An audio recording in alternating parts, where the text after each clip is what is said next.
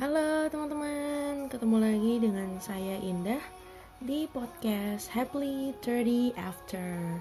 Kali ini saya sendiri dan saya akan membahas sebuah segmen yang mudah-mudahan ya, mudah-mudahan akan diteruskan di episode-episode selanjutnya yaitu segmen belajar dari film atau TV series. Nah, kali ini TV series yang akan saya bahas itu adalah TV series Korea Selatan yang berjudul Hotel de Luna. Nah, soundtrack dari film ini yang sekarang teman-teman dengar sebagai background itu bisa didengar di Spotify dengan judul Hotel de Luna Original Soundtrack. Nah, sedikit trivia ya teman-teman. TV series Hotel de Luna ini dirilis oleh TVN, salah satu stasiun TV Korea Selatan dan ditayangkan sejak tanggal 13 Juli sampai 1 September 2019 yang lalu.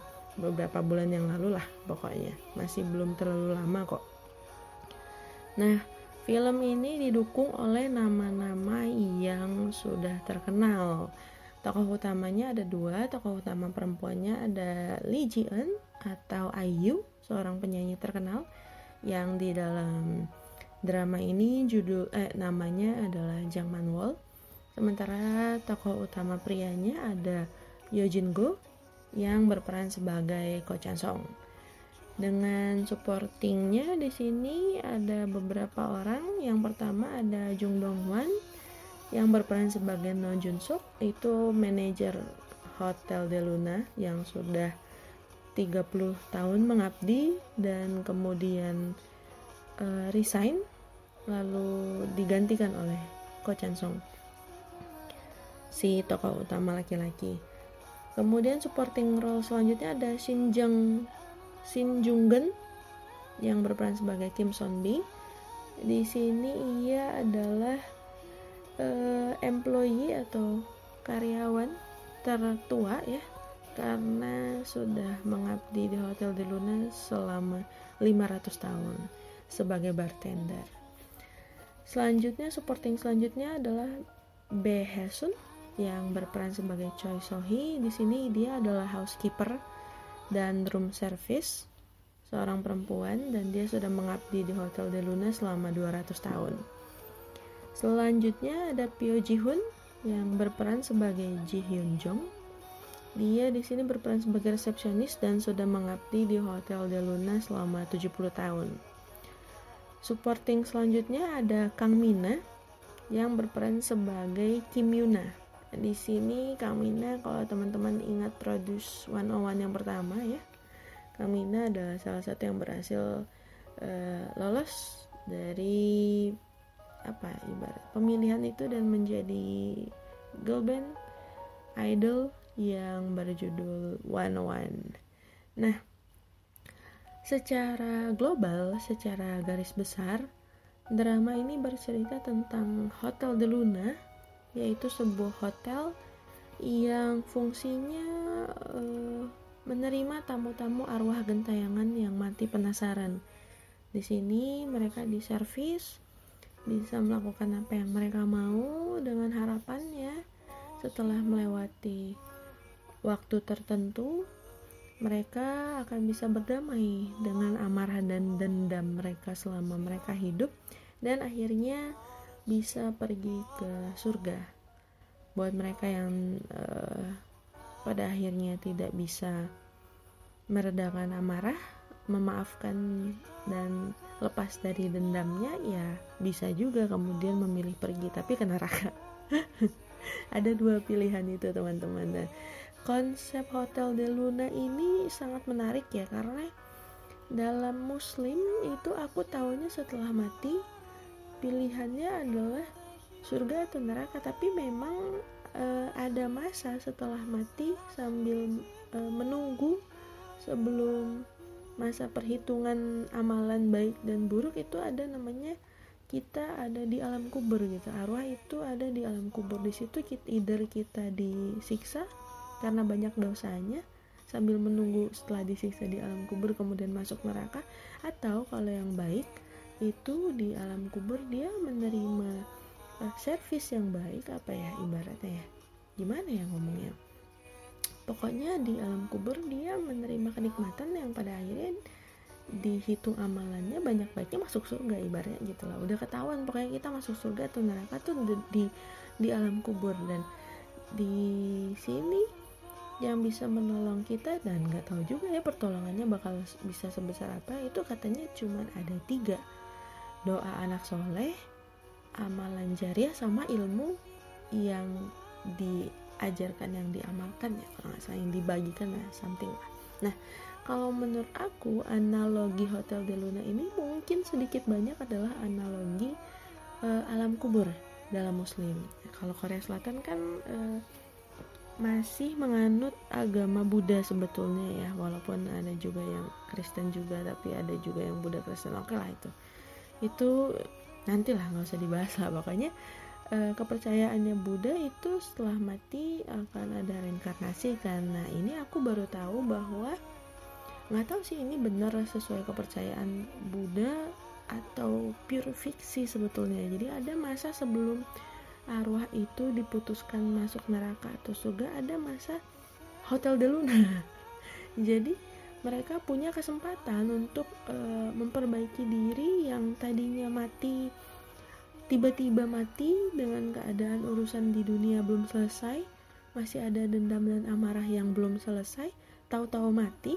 Nah, ini punya kesempatan untuk menyelesaikan itu atau sekedar eh, mendamaikan diri sehingga uh, hasrat buruknya itu tercuci dan akhirnya dia bisa berangkat ke surga dan reinkarnasi gitu. Nah, masa-masa di Hotel de Luna ini masa yang menarik buat aku gitu. Uh, tadi ya kembali lagi either ini adalah pure fiksi atau memang betul-betul dipercaya gitu. Tapi ini menarik sebagai seorang penulis aku merasa menarik sekali gitu konsep Hotel de Luna andai Hotel de Luna betul-betul ada neraka kosong kayaknya. Karena arwah-arwah gentayangan itu dicuci dulu ibaratnya dibahagiakan dulu di Hotel de Luna sampai akhirnya mereka berdamai bisa memaafkan bisa melepaskan akhirnya ke surga. Wah tepuk tangan dulu nih buat konsepnya. Nah tanpa mau spoiler banyak ya uh, aku mau menceritakan beberapa hal yang membuat drama ini jadi menarik sekali gitu. Uh, yang pertama, tokoh utama perempuan kita, Lee Ji Eun atau Ayu itu di sini terlihat sangat cantik sekali, guys. Bukan cuman emang anaknya udah cantik ya, tapi di drama ini dia itu super super sering ganti baju, guys pokoknya beda tempat beda suasana beda mood beda bajunya jadi ini adalah drama yang belum pernah ada sebelumnya di mana tokoh utamanya itu ganti baju tiap hampir 2 menit atau maksimal 5 menit sekali sering banget ganti baju guys bahkan ada satu kostum Ayu itu uh, sedang melihat toko emas, toko perhiasan dan dia berdandan seperti Audrey Hepburn di Breakfast at Tiffany's. Waduh, itu cantik banget sih guys. Dan ibaratnya uh, fiksi yang sefiksi-fiksinya, sefiksi-fiksinya. Menarik banget konsepnya di mana kita bisa melihat ya fiksi itu ya bisa jadi semenarik ini gitu loh. Itu itu baru satu ya bahwa Ayu punya koleksi baju yang banyak banget. Selain itu dia juga punya koleksi mobil yang banyak banget juga. Wah gila ini. Pokoknya tokoh yang impulsif banget belanja impulsif dandan enggak ya impulsif minum wine yang mahal impulsif makan makanan yang mahal makanan yang enak itu hal menarik pertama Terus hal menarik kedua ya pasti karakternya ya. Di mana di hotel ini kita menemukan berbagai jenis setan. Dan ini kemudian mengubah uh, stigma ya, mengubah uh, stereotip setan yang uh, serem dan kerjaannya cuman menggoda atau menakut-nakuti manusia. Nah, di sini rata-rata setan yang datang ke hotel De Luna ini adalah mereka yang uh, tersakiti selama hidup gitu yang mengalami hidup yang tidak adil jadi stigma setan gentayangan itu kemudian berubah guys. Jadi setan yang galau setan yang sedih setan yang uh, perlu dipeluk gitu perlu diservis perlu disayang-sayang gitu supaya uh, mereka terbahagiakan supaya kematian mereka yang tidak adil tadi kemudian terobati dan mereka bisa pergi dengan tenang gitu loh ini juga terjadi pada tokoh-tokoh utamanya gitu. Nah aku nggak mau nggak mau spoiler uh, kisah tentang Jang Manual ya karena itu kisah utamanya gitu. Tapi aku mau spoiler sedikit tentang salah satu staff di hotelnya ya. Uh, di mana Choi Sohee ingat yang tadi jadi housekeeper dan room service? Dia ini adalah seorang ibu yang hidup di era Joseon era di mana Joseon era adalah masa-masa sebelum kemerdekaan Korea Selatan. Dulu itu di sana ketika seorang perempuan belum melahirkan bayi laki-laki itu belum dianggap. Bahkan ketika dia hanya melahirkan bayi perempuan itu dia dikucilkan dan dianggap membawa sial gitu. Nah, ini terjadi pada Choi Sohee di mana dia selain punya anaknya lama sekalinya punya anak dia melahirkannya anak perempuan guys. Jadi uh, keluarga mertuanya keluarga suaminya itu menghujat dan uh, memaksa suami Sohi untuk menikah lagi dengan harapan dia akan punya keturunan laki-laki. Dan bayi Sohi tadi diambil dipisahkan dari Sohi jadi Sohi disuruh uh, menyendiri di tempat sepi di desa lain untuk merefleksikan diri me, apa ya merenungi kesalahannya sementara bayi perempuannya ini ditinggal dengan tujuan supaya mati dengan sendirinya gitu Lalu Sohi yang mendengar kabar ini buru-buru pulang kembali ke desanya dan mendapati bayinya udah sekarat guys. Dengan susah payah, Sohi ini menggedor satu persatu pintu tabib untuk minta bantuan untuk anaknya tapi nggak ada yang mau nolong. Karena satu kampung itu sudah diberitahu oleh keluarga suaminya untuk tidak menolong bayi itu guys. Jadi saking jahatnya keluarga suaminya itu tidak ada yang mau menolong. Satupun warga di kampung itu tidak ada yang mau menolong sampai pada akhirnya bayinya Sohi meninggal. Dan Sohi ikut meninggal juga karena e, sedih karena tidak makan karena sakit ya itulah. Nah akhirnya dengan kematian setragis itu Sohi menjadi arwah gentayangan guys. Dan dia butuh memastikan dulu bahwa keluarga suaminya itu tidak punya keturunan. Bahwa garis keturunan keluarga suaminya itu berakhir sehingga uh, garis keturunannya selesai dan ketika itu terjadi baru Sohi akan damai dan bersedia untuk meninggalkan dunia. Nah, Sohi ini menjadi karyawan udah 200 tahun guys, tapi uh, harapan dia atau sesuatu yang menjadi kutukannya kepada keluarga suaminya itu belum juga tercapai sampai akhirnya pada waktu klimaks uh, drama ini dia mendapati bahwa keturunan suaminya tadi anak suaminya dari istri barunya itu tadi uh, menghamili seorang perempuan. Dan perempuan itu disinyalir akan memiliki anak laki-laki. Nah jadi Sohi ini di saat dia sudah berdamai sudah akan masuk surga karena sudah memastikan keluarga suaminya selesai garis keturunannya tahu-tahu mendapati bahwa ada seseorang perempuan yang mengandung bayi keturunan dari uh, silsilah keluarganya. Wah di sini kemudian Sohi dihadapkan untuk memaafkan dan pergi ke surga atau tetap di dunia untuk memastikan dulu ini bayi laki-laki atau perempuan. Kalau perempuan artinya kan e, garis keturunannya selesai gitu. Atau bahkan dia mau melakukan sesuatu dulu nih terhadap si jabang bayi ini supaya tidak lahir ke dunia baru dia bisa damai dan dan dan pergi gitu.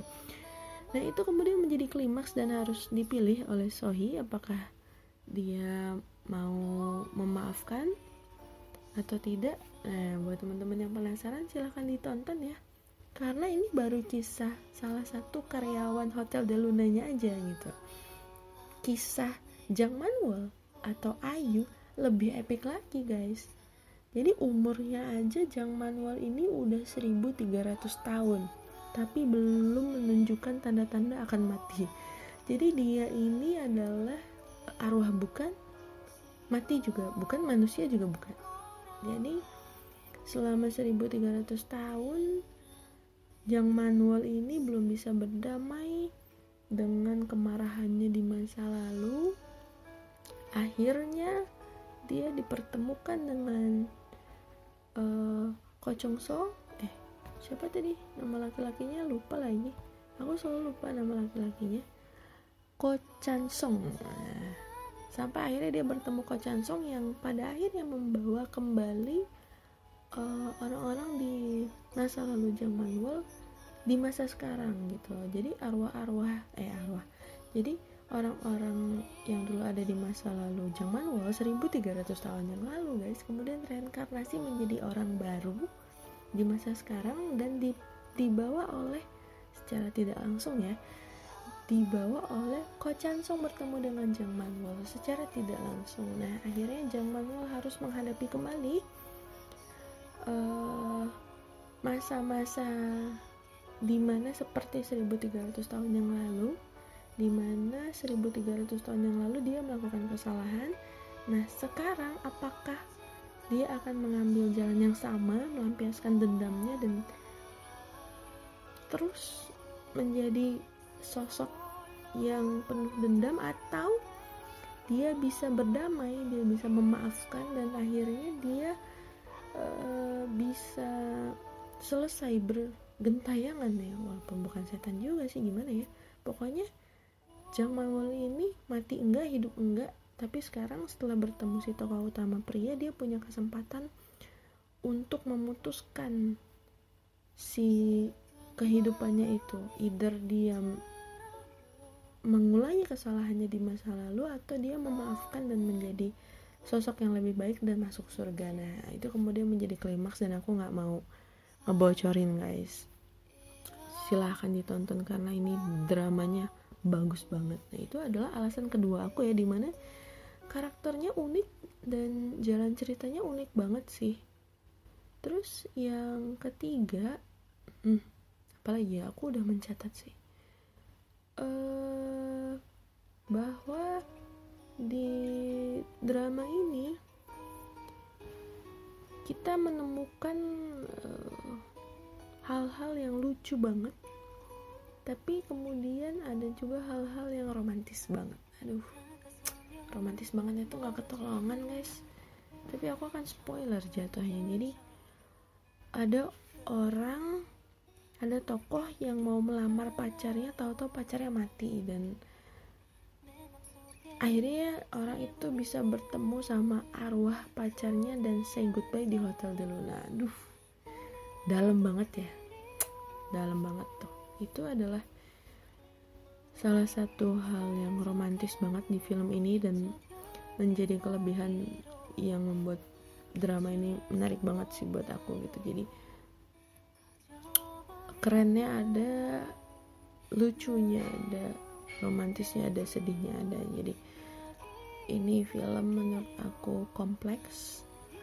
Bicara soal kematian ya bicara soal kematian nggak pernah ringan sih akan selalu kompleks gitu. Dan dan kemudian kita sebagai orang yang masih hidup itu seperti terpukul gitu seperti mendapat nasihat bahwa mumpung nih masih hidup ya kan uh, karena hotel de Luna ini cuma fiksi karena kita setelah mati itu akan mengalaminya masa kubur di mana nggak ada lagi kesempatan untuk memperbaiki diri memaafkan dan lain-lain. Maka kesempatan itu cuma ada di dunia ini jadi manfaatkanlah. Aku juga susah sih cuma bisa ngomong doang.